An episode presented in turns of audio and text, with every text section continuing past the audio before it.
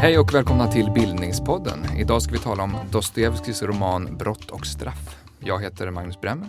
Jag sitter som vanligt i en studio på Stockholms universitet och har med mig två gäster. Vill ni presentera er? Jag heter Susanna Witt. Jag är docent i slaviska språk och forskare vid Centrum för Rysslandsstudier, Uppsala universitet. Jag heter Magnus Ljunggren. Jag är professor emeritus i rysk litteratur vid Göteborgs universitet. Varmt välkomna. Tack. Tack. Brott och straff har kallats för världens bästa deckare. Är den det? Ja, det var Thomas Mann, den tyske författaren, som sa så. Eh, det kan väl ligga mycket i det, men eh, den är en hel del annat också. Ja, det finns ju väldigt många genrer blandade i den här romanen. Det är ju, det är ju en idéroman, det är ju en samhällsroman, är en eh, filosofisk roman på många sätt. Vad är, men vad är det som har gjort att man talar om det som en, som en deckare eller en av de, en av de första moderna deckarna? Ja, det är ju en oerhört eh, spännande historia eh, om ett brott med en eh, utredande polisdomare som är väldigt skarp. Helt kort, vem var Fjodor Dostojevskij? Ja, eh, Eh, Fjodor Dostojevskij var författare och journalist. Eh, inte minst journalist, faktiskt tidningsman. Eh, han föddes 1821 i Moskva, dog 1881 i Sankt Petersburg. Så att hans liv spände över hela den moderna ryska litteraturens framväxt. När han föddes så började Pushkin skriva. Och, nationalskalden, eh. Nationalskalden Alexander Pushkin. Och eh, då kan man ju säga att den ryska litteraturen kanske gick i eh, lågstadiet eller i grundskolan. Och när eh, Dostojevskij dog så hade han själv fört fram den här litteraturen till en position som var långt, kanske till och med före den västerländska eller västeuropeiska litteraturens st- största namn. Vill ni helt kort sammanfatta vilka Dostojevskijs viktigaste bidrag till eh, litteraturhistorien är? Ja, det är ju då fyra stora, tunga romaner. Brott och straff, då som den första riktigt stora, 1866. 1866. Idioten, 1868. Onda andar, 1873. Tre. Och Bröderna Karamazov då, 1880. Som in, inte bara var djuplodande filosofiska undersökningar utan också språkliga mästerverk med ofta genial komik. Och det är ju någonting som inte alltid kommer fram när man pratar om Dostojevskij, men det var absolut så. Och Det- det- eh, Han, är, han är ju då, eh, åtminstone enligt den ryska litteraturforskaren Michail Bakhtin, eh, den som upptäcker den, eller hittar på den polyfona romanen. Vad menar han då? Eh, en roman som, där gestalterna är myndiga. Där de får sina egna röster, där de får sina egna medvetanden representerade. Utan att, synbarligen utan att det går igenom författarens eller berättarens filtrerande mediering. Och han, han, eh, han låter alla framträda med sin egen röst helt enkelt. Och Polyfon kan väl översättas mångröstad? mångröstad. Och man låter de här rösterna brytas mot varandra på sina egna villkor. Så det är väldigt svårt att säga vad Dostojevskij vill säga med sina romaner i, i stort. Han är på det sättet en väldigt demokratisk författare. Eh, och när han startar en roman så vet han inte alltid hur det kommer att sluta. Och eh, i de här stora idébrottningarna eh, kan det inte vara säkert vem som ska utgå med segern. Även om författaren försöker eh, styra så kan det hända att eh, det hela inte fullföljs enligt hans ursprungliga intentioner. Ska vi säga något kort om, om hans liv? Ja, det faller sönder ganska tydligt i två delar. Eh, han börjar ju som eh, militär eh, i Sankt Petersburg. Han utbildar sig till eh, ingenjör, militäringenjör och arbetar några år i ingenjörstrupperna. Men sen så tar han avsked och ägnar sig åt litteraturen och hinner få ett genombrott mot slutet av 1840-talet eh, och är samtidigt då engagerad i, i det politiska livet, i en politisk diskussionsgrupp vars alla medlemmar blir arresterade och dömda till döden.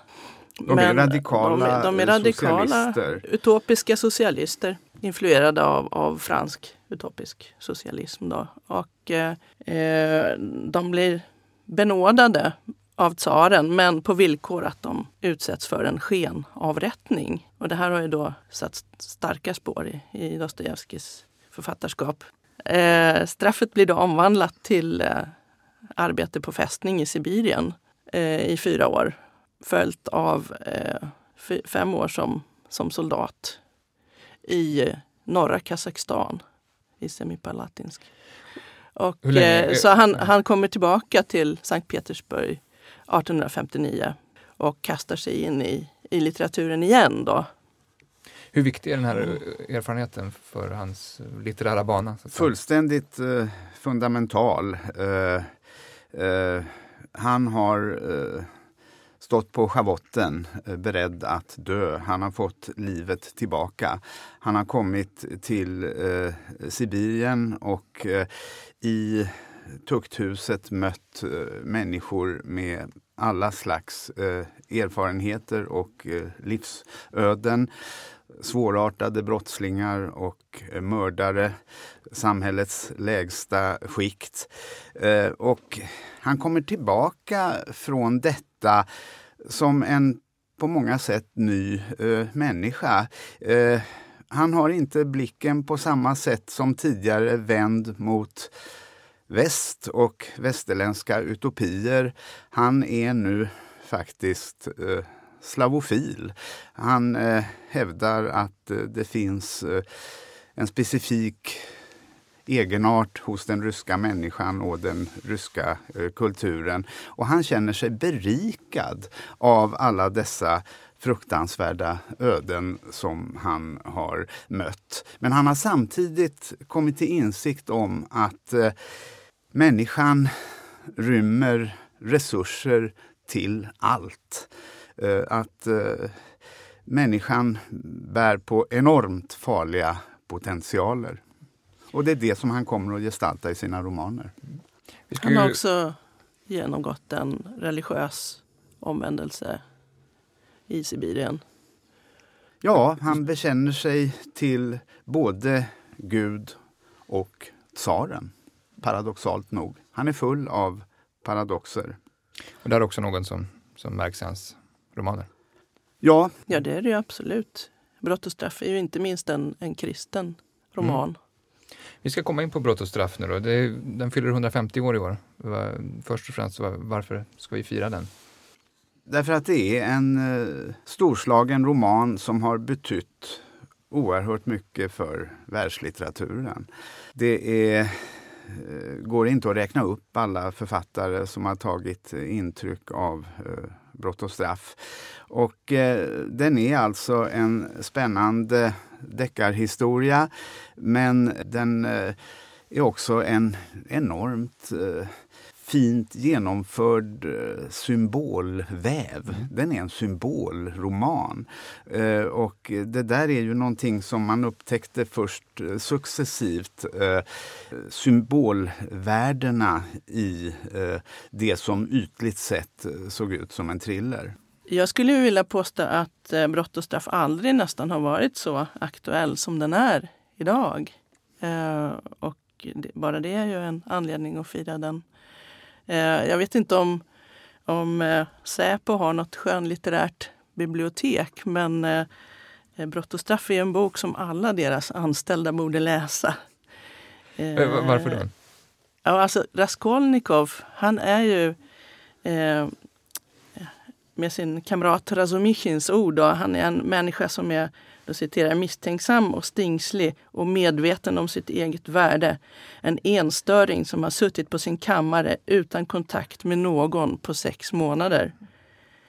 Och det här är ju någonting som eh, vi idag, eh, det som Raskolnikov genomgår är ju någonting som vi idag kallar för en radikaliseringsprocess mm. helt enkelt. Eh, Raskolnikov är ju en, en rysk Breivik. Eh, helt komplett med manifest och allt. Som förbereder, planerar, fixar och donar med sin yxa. Eh, precis som Breivik eller en jihadist som eh, pysslar med sitt bombbälte eller köper en tryckkokare och provar olika utlösningsmekanismer. Det, det är eh, väldigt, väldigt aktuellt idag. Kan vi få en liten kort resumé av, av eh, handlingen? Raskolnikov är ju väldigt fattig. Han har läst vid universitetet, han har läst juridik. Men han har inte råd att fortsätta sina studier.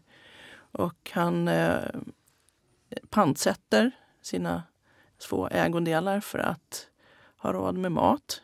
Det är då den här pantlånerskan som han utväljer som sitt offer. Han jämställer henne med en lus. En, ett skadedjur helt enkelt.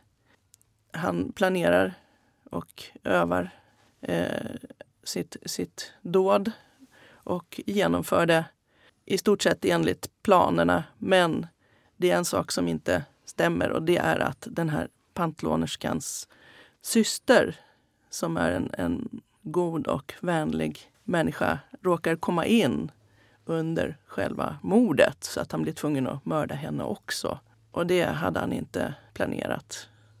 Kalkylen spricker. Där spricker kalkylen. Och det är det som främst är upphov till de väldigt dubbla känslor som sen följer honom. Att det också är den här, som han ser det, goda människan. Ja, det komplicerar ju saken i alla fall. Men det tar ju ganska lång tid innan han, innan han verkligen inser sitt, sitt verkliga misstag. Det är ju egentligen först i epilogen som han helhjärtat tar avstånd från själva handlingen. Hur, hur, hur motiverar han det här mordet från början? Ja, eh, det finns alltså två stycken utgångspunkter som han har. Å ena sidan så eh, tycker han alltså att eh, den här procenterskan är socialt eh, överflödig. Hon eh, en ond varelse. För att hon har det, så säga, det yrke hon, hon har. Ja, just det. Hon eh, bara eh, kramar pengar ur eh, människan.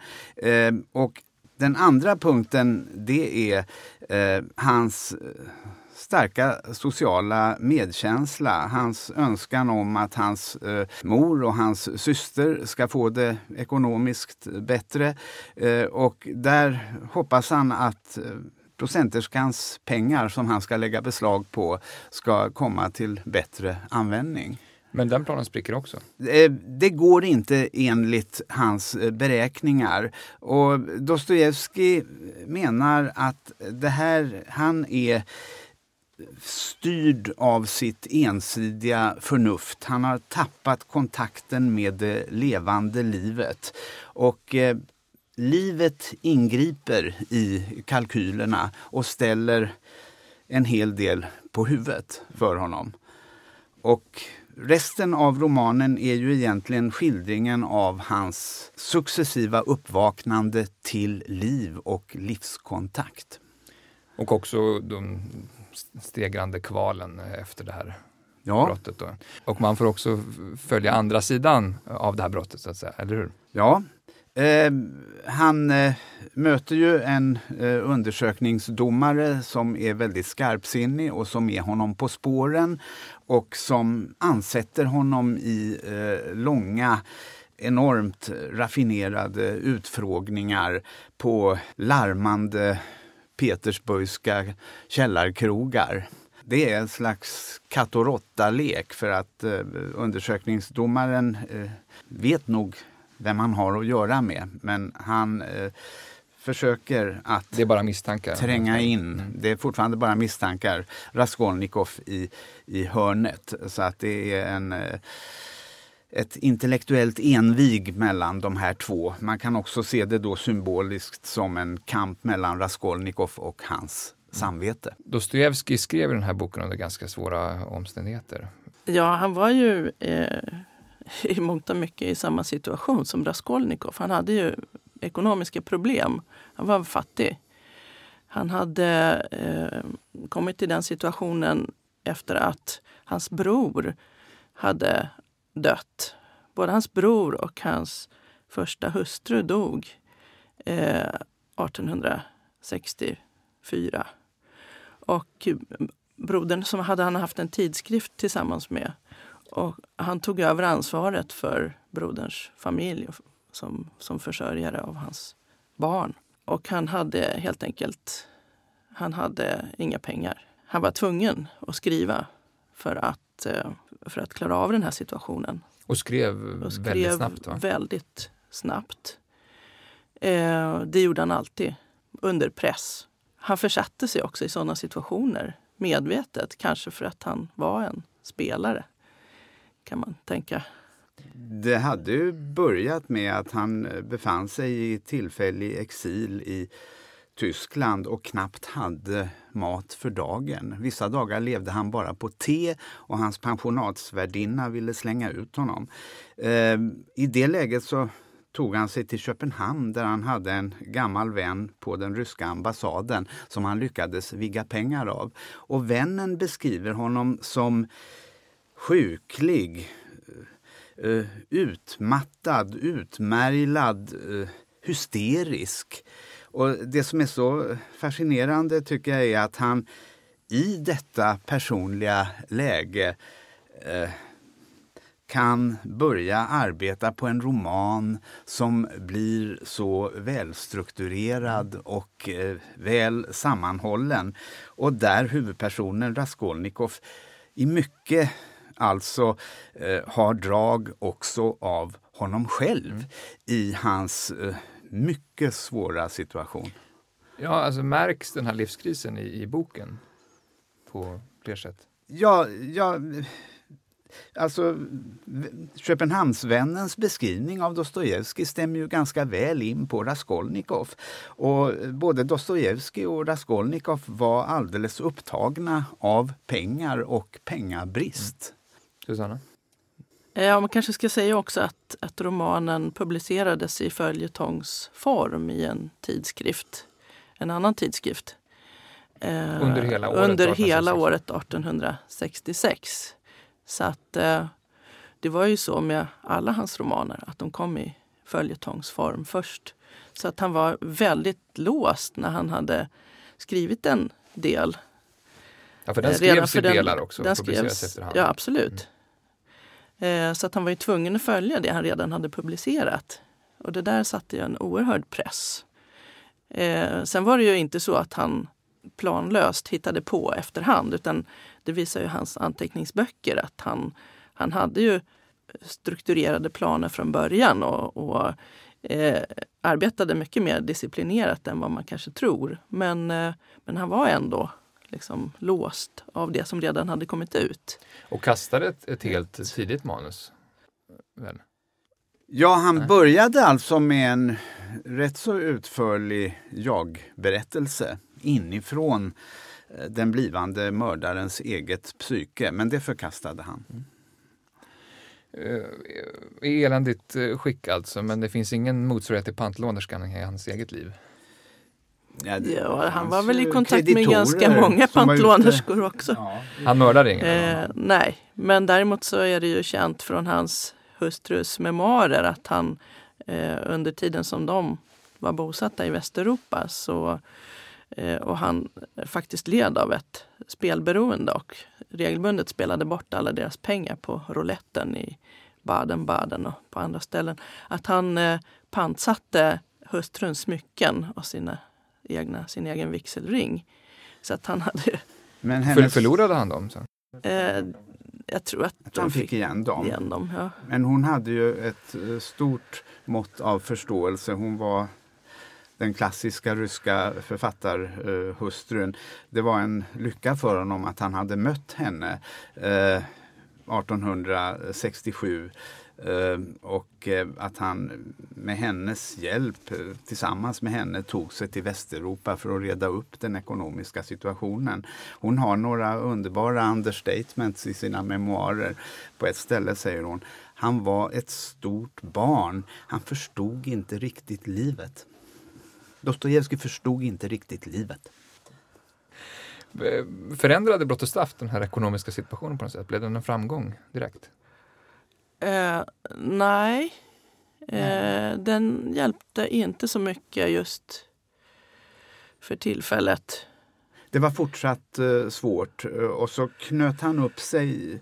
Han skrev ett kontrakt med en förläggare. Han lovade att eh, leverera en kortroman till ett visst datum och det blev ohyggligt pressat. Men han klarade det på 29 dagar eller vad det, vad det 26 var. 26 kanske. 26 dagar och det var spelaren. Och det var tack vare eh, kvinnan som skulle bli hans hustru sen. Han hade fått henne som eh, stenograf från en, eh, ja hon var alldeles nyutexaminerad från stenografskolan. Kan du säga mer om, om vilken, vilken roll det blev i, i skrivandet för Dostojevskij? Eh, hon bidrog till att skapa ordning i hans liv och i hans eh, finanser. Eh, hon var ju betydligt yngre än han. Men det var hans stora lyckokast och en lite intressant biografisk detalj för oss det är väl att det faktum att hennes mamma kom från Åland och talade svenska. Mm. Hon hette Milopeus. Det finns ju många starka karaktärer i, och minnesvärda karaktärer i den här eh, boken. Eh, har ni någon personlig favorit? Ja, jag tycker kanske särskilt mycket om detektiven, om jag får kalla honom så. Eh, undersökningsdomaren som är så enormt skarp och som ansätter Raskolnikov allt eh, hårdare och ringar in honom med raffinerade förhörsmetoder.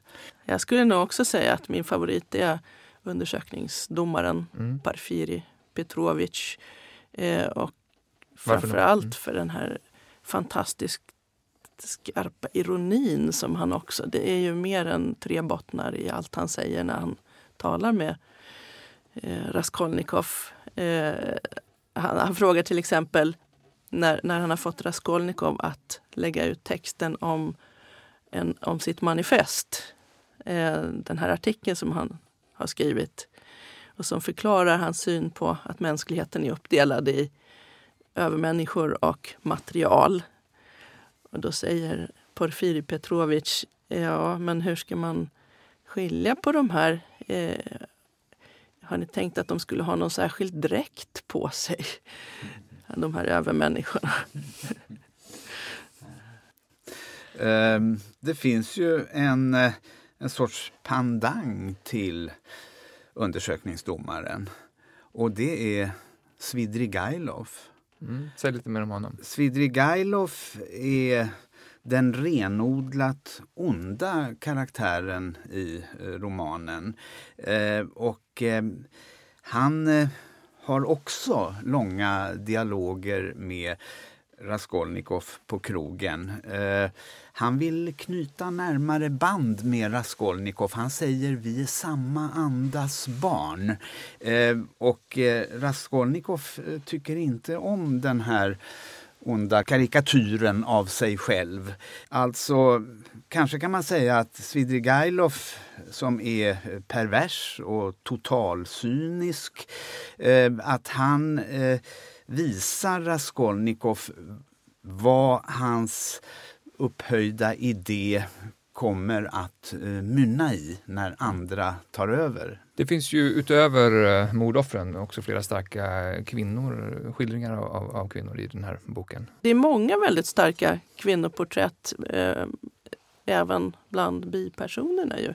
Eh, men bland huvud, huvudgestalterna så är det ju eh, Sonja Marmeladova som är prostituerad och som Raskolnikov får höra talas om första gången innan han har begått mordet. När han av en slump träffar hennes far eh, full på krogen och han berättar hela sitt livs historia. Och Sonja är ju styvdotter i, i hans familj och hon har tvungen, blivit tvungen att prostituera sig för att eh, fadern är arbetslös och eh, hon har tre småsyskon. Och det här är en person som Raskolnikov Raskolnikov, eh, hon kommer in i hans medvetande och blir till en del av hans motiv egentligen för att begå det här mordet.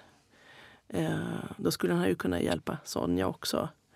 Eh, och sen blir hon en väldigt viktig person. Hon är den som han bekänner mordet för. Och eh, den som bidrar till hans eh, tillfrisknande och uppvaknande. Hon är, inte, hon är inte särskilt väl verbalt karaktäriserad. Hon har inte så många repliker egentligen. Men hon, hon, eh, hon har väldigt eh, distinkta gester. Och eh, hon, hon eh, spelar en stor roll i, i Raskolnikovs i hela processen med Raskolnikovs utveckling där. Eh, och sen, sen den andra eh, centrala kvinnogestalten är ju hans syster som på sätt och vis är en, om man nu ska tala om dubbelgångare så, eller dubbleringar, så är hon någon sorts dubblering av Sonja egentligen. Deras namn rimmar nästan namn, på varandra. Hon heter Donja. Eh, mm. Hennes smeknamn är Donja. Donja och Sonja. Och eh, hon, eh, eh hon eh, prostituerar sig inte i vanlig mening men hon, hon eh, håller på att eh, offra sig för familjen genom att gifta sig med en man som hon inte respekterar. Som är rik och som också skulle lösa deras ekonomiska situation. Då, så att eh, på något sätt så är hon ju, hon säljer sig också så att de är lite jämställda där. Och dessutom är eh, Svidrigailov ute efter henne och har förhoppningar på henne. Och eh, Hjältarna hos Dostojevskij möts ju alltid i alla möjliga osannolika kombinationer. Svidrigailov råkar bo granne med Sonja. Mm. Sonja lotsar Raskolnikov ut ur hans förnuftshaveri genom evangelieläsning och genom sitt fromma exempel. Och Dostojevskij menar att till skillnad från Raskolnikov befinner sig Sonja mitt ute i livet, mitt i sin yttersta förnedring representerar hon livet. Hon är bara självklar. Och religionen blir en, en sorts räddning i slutändan också? Det blir, den, det blir den enda räddningen och det är ju den insikten som Dostojevskij har kommit fram till i Sibirien. Att utan religion är människan prisgiven åt sig själv. Mm. Och då är människan fullständigt livsfarlig. Ja, sen finns det det här väldigt starka porträttet av Sonjas mor, Katerina Marmeladova, som är lungsjuk och eh, blir då lämnad. Eh, han, hon blir änka efter Marmeladov som blir påkörd av en vagn och dör. Eh, det, det är ju ett fantastiskt porträtt och en fantastisk skildring av det här gravölet som hon ställer till med eh, i sin stolthet. Hon är, ju, hon är ju fattig men hon är fortfarande stolt och hon upprepar hela tiden att hon, hon har ett annat... Hon kommer egentligen från en annan social miljö. Mm. Och det, det där är någonting som... Eh, det är en fantastisk, eh, grotesk och komisk lång scen med det här gravölet. Det är, det är ett rikt persongalleri och framförallt eh, personer från olika samhällsskikt. Ja. Är det här en tanke, tror ni, hos Dostojevskij?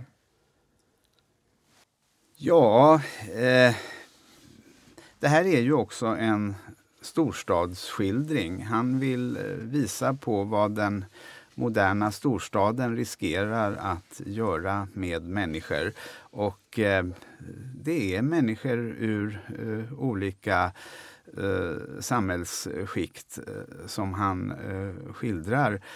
Och eh, samtidigt tycker jag att det är eh, slående att Raskolnikov överallt omkring sig har lidande, plågade kvinnor. Eh, det är modern, eh, det är systern, eh, det är Sonja, det är Sonjas eh, mamma han har en enorm medkänsla med dessa eh, stackars eh, existenser och han vill deras upprättelse. Eh, I början av romanen har han en alldeles avgörande dröm. Eh, han drömmer om, det är förresten just när han har försökt ta sig ut ur den här kokande stadsgrytan och plötsligt bara utmattad somnar i något buskage i eh, grönområden utanför staden. Eh, så har han en dröm som egentligen är ett minne. Han minns hur eh, han som liten pojke tillsammans med sin far blev vittne till hur en sadistisk kusk eh, piskade i, ihjäl en stackars eh, hästkrake. Och eh, den där drömmen finns där inte av en händelse. Hästkraken är femininum på eh, ryska och eh, hästen är en bild av alla dessa pinade kvinnliga existenser. Och namnen är, Eh, De är nästan alltid betydelsebärande. Ja. betydelsebärande. Och det går ju inte fram i översättning så där skulle närmast behövas fotnoter. Raskol Mm. betyder klyvning. Han är en i grunden kluven karaktär. Det kommer ju väldigt tydligt fram det här i ehm, att han har, han har två olika röster, Raskolnikov. Eh, när han kommer till Sonja och bekänner så växlar han mellan de här två. Den, den med, medlidande och den, den, eh, den stolta och hårda rösten alternerar. Och det, det är någonting som till och med noteras i, i berättartexten. Det låter Att som det, en, det är den mördarens röst, kallas den för, den här andra rösten. Och det är ju inte förrän i slutet då som, som den helt försvinner. Även i förvisningen, så, eller när han sitter i Sibirien där, så, så återfaller han i de här i mördarens röst. Mm. Det, det, det har ju också kallats för den Mm. första psykologiska thrillern Mm. och så. Va? Hur viktigt är det här psykologiska i den här romanen? Dostojevskij är ju en enorm eh, människokännare. Eh, jag tror att han är, nu sticker jag ut hakan lite, den största av alla i världslitteraturen. Han eh, vet eh, att eh, människan bär på så många paradoxer. Och han förmår eh, gestalta detta på ett så övertygande sätt som knappast någon före honom hade gjort. Det, det är stor eh, psykologi och eh, psykoanalysens skapare Sigmund Freud eh, han kunde ju senare säga att psykoanalysen har allt att lära av eh, Dostojevskijs konstnärliga geni. Han har trängt djupare än vi. Vad menar han mer specifikt med det? Dostojevskij har där borta i Sibirien sett någonting. Eh, han har eh, tillägnat sig en kunskap om människosjälen eh, som han vill vidare befordra i eh, romanform. Eh, hans hjälte Mitja Karamazov säger vid något tillfälle människosjälen är för vid. Jag skulle, underförstått om jag var Gud, ha krympt den lite. Det är Dostojevskijs fundamentala insikt. Ja, samtidigt var eh, Dostojevskij själv ganska ironisk mot eh, psykologin som vetenskap som, som då växte fram vid den här tiden. Och eh, han, han? han? Han tyckte inte om att man betecknade hans romaner som psykologiska. Eh, och det finns ju också i romanen Brott och straff här, att psykologin kallas för ett tveeggat redskap. Det är ju på samma sätt som med hans kritik av rationalismen. Att det som, det som verkar psykologiskt trovärdigt eh, eller rationellt, det behöver inte vara sant. Det är inte alltid det som är viktigt för, för människan. Han kände kanske att han visste så mycket mer än psykologerna. Det där är någonting som Dostojevskij har gemensamt med Tolstoj som eh, eh är väldigt hånfull när han talar om psykologi och psykiatri. Vad, vad vet vi om mottagandet, eh, tidiga läsningar av den här boken? Den kom ju i följetongsform och den fick ett gott mottagande. Det fanns eh, naturligtvis eh, de som hade invändningar, som tyckte att Dostojevskij, att hans berättarmetod var för exalterad och eh, överspänd och allt verkade tillkommet i eh, affekt, att det inte riktigt hängde ihop. Eh, sen fanns det också eh, unga kritiker som eh, menade att eh, han hade förtalat den unga generationen i Raskolnikov. Socialister som kände igen sig i honom. Men han fick lovord. Eh, och eh, en författarkollega som Turgenev, eh, som Dostojevskij alltid hade problem med.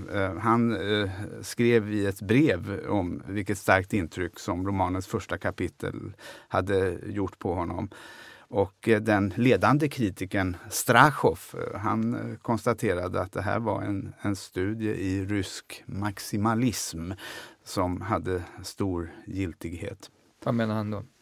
Ja, att det är ju Dostojevskijs, också en av Dostojevskijs huvudidéer att eh, det är något speciellt med ryssen.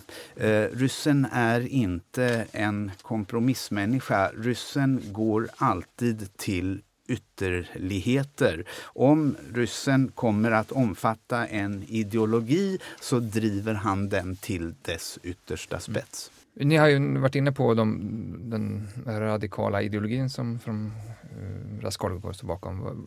Finns det kopplingar till samtida Ryssland där på något sätt? Ja, det finns det ju absolut. Eh, rent konkret så är ju romanen kanske främst riktad mot eh, kritikern och eh, eh författaren Nikolaj Tjernysjevskijs idéer.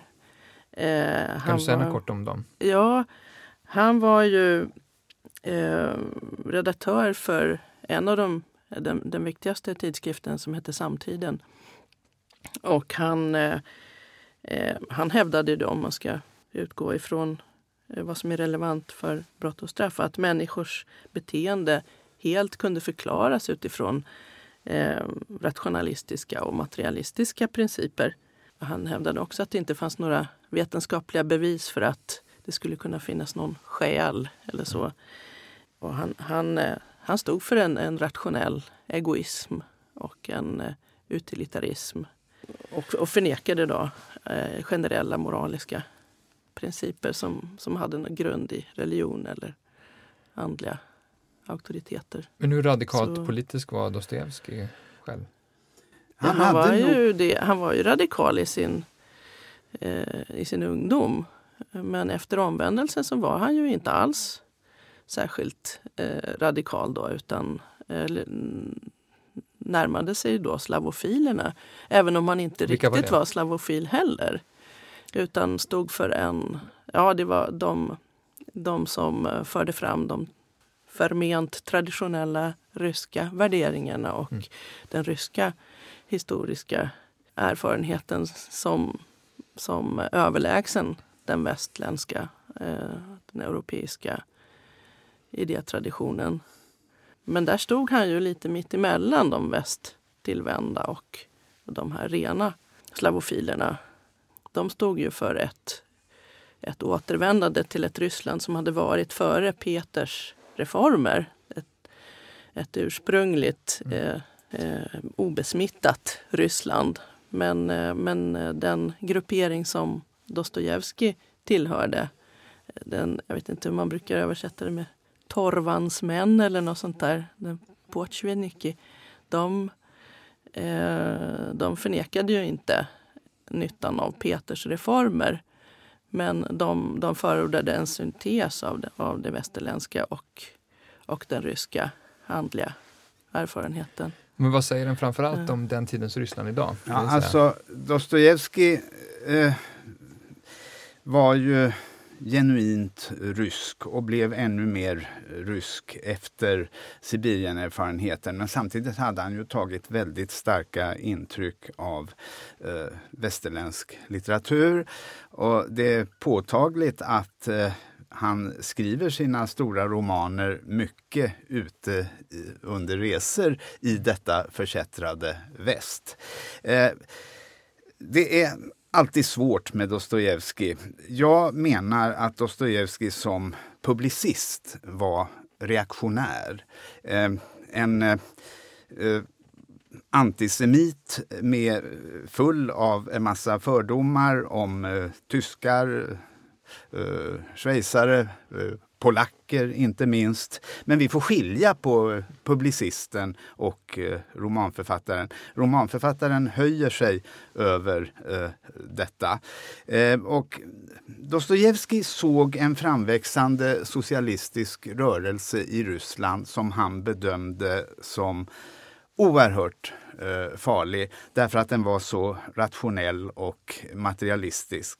Eh, och eh, det blev ju så småningom av detta en roman, eh, Onda andar, som pekar rakt in i vårt 1900-tal och eh, Rysslands...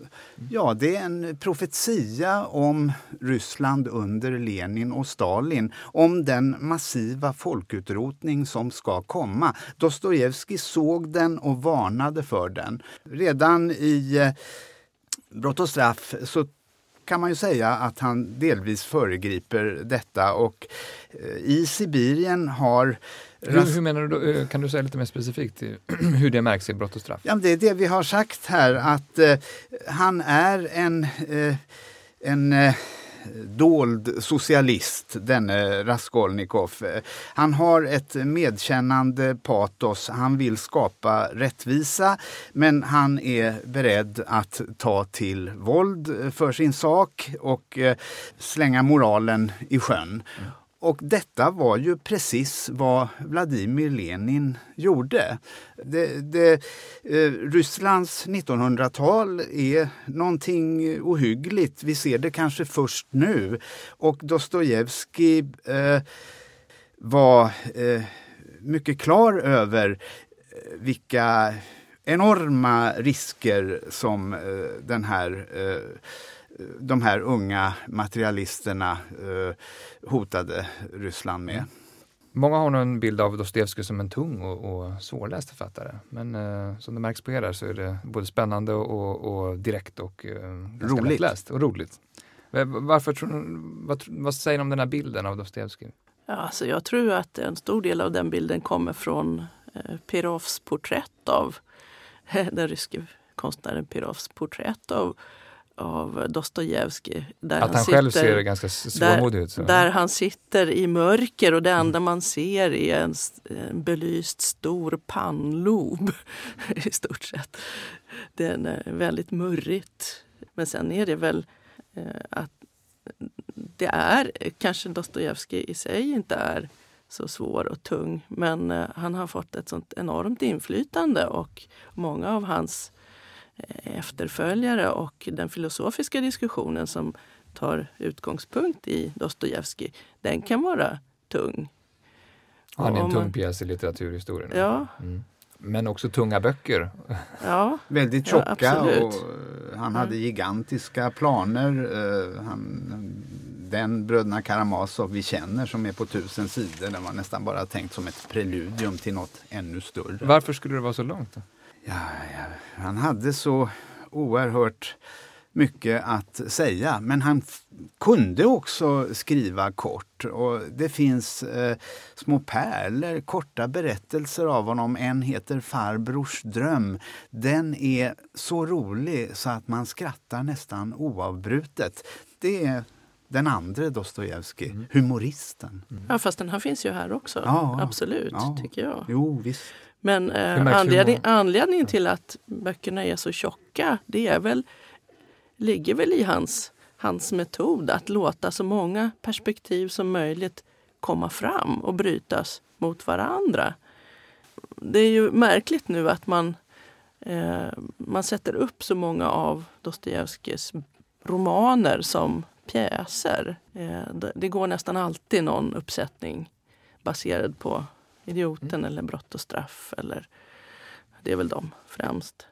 Eh, man kan ju till viss del förstå det för att eh, när man tittar slår upp en roman och bläddrar, då är det ju repliker mycket sida upp och sida ner. Och det ser ju lite ut som pjäsmanus. Men, eh, men eh, Dostojevskij var inte dramatiker, han skrev inga pjäser. Och det, det dramatiska i de här och därför de också, det är väl en, ett skäl till att de måste vara så långa. Det dramatiska är ju hur de här replikerna återkommer i de olika gestalternas medvetanden. Hur de återupprepas i olika tonfall, att de får kontakt med andra repliker. Och det där är ju väldigt svårt att gestalta på en scen. Så att det, det är ju lite förledande, eh, den här likheten med ett, ett pjäsmanus. Eh, vi har varit inne på, på deckargenren. Hur, hur eh, liksom rubricerades eh, den här boken när den kom? På, på den höglitterära kontra den låglitterära skalan? Ja, alltså det var ju, tror, ja, det var ju höglitteratur som trycktes i de här seriösa tjocka tidskrifterna, absolut.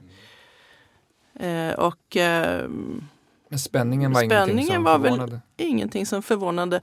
Eh, den här romanen vore väl ganska otänkbar utan Dickens till exempel. Och Dickens var ju var väl inte eh, på något sätt någon låg prestigelitteratur vid den här tiden. Det talas om att den blev nästan direkt en framgång hos den läsande publiken. Mm. Vad kan dagens deckarförfattare lära av Dostojevskij? Ja, de kan lära massor. Eh, vi har Patricia Highsmith. Hon har sagt att allt hon har skrivit utgår från Brott och straff. Hon var en ny människa efter att ha läst Brott och straff. Den eh, påverkade hela hennes sätt att skriva. Vilka senare kända författare har han påverkat allra mest skulle ni säga? Ja, det finns väl massor med eh, exempel i världslitteraturen. Eh, eh, den store tyske filosofen Friedrich Nietzsche har sagt att eh, Dostojevskij var den enda jag kunde lära av. Och han tänker nog inte minst, minst på övermänniskoskildringen i Brott och straff. Den franske nobelpristagaren Albert Camus Främlingen. Här i Sverige skulle jag kanske först komma att tänka på Hjalmar Söderbergs Dr. Glas. Vad är likheterna där? En studie inifrån ett mördarpsyke.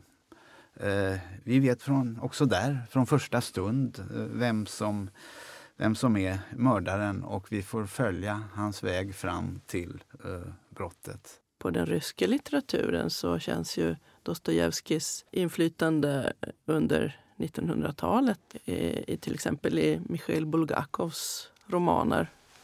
I, inte minst i Mästaren och Margarita där han ju faktiskt också omtalas. Vi har emigrantförfattaren Vladimir Nabokov som under hela sitt författarliv stod i ett eh, komplicerat förhållande till eh, Dostojevskij. Tog väldigt starka intryck eh, samtidigt som han närmast hånade sin eh, eh, partiella förebild. Vad sa, vad sa han? Ja, han förklarade rent ut att historien om Raskolnikov och Sonja är det värsta pekoralet i världslitteraturen. Men han var, han var eh, en mästare i såna där eh, drastiska eh, formuleringar. Det kanske bara visar på hans stora beroende. Mm. Um, en viktig roll i romanen spelas ju av Sankt Petersburg som stad. Eh, du har intresserat dig för det här Magnus? På, I den ryska litteraturen i stort också. Ska vi säga. Men vad, vad, vad, vad spelar Sankt Petersburg för roll i, i boken? Ja, det är något särskilt med den här staden. Eh, den hade tillkommit genom en tsarnyck. Peter den store hade kommit till de ingermanländska träsken och sagt att här ska vi bygga en stad. Och sen hade den pålats i lik. Eh, den eh, hade, eh, det var trälar som byggde den och som gick under i träsken. Den var oerhört vacker och konstruerad. Stadskärnan är byggd av Västeuropas främsta arkitekter och samtidigt ruvade den på en grymhet och på tsaristiskt förtryck. Och eh, det var som om Dostojevskij blev alldeles förhäxad av den här staden som han kom till eh, i tonåren och eh, nästan allt han har skrivit utspelar sig ju i Sankt Petersburg. Kan man säga att Sankt Petersburg är lika mångröstat som, som hans romaner? Ja, verkligen. Eh, Sankt Petersburg bär på en avgrund och människan hos Dostojevskij bär på en avgrund. Jag tror att människoskildringen hör ganska nära ihop med stadens eh, gåtfullhet.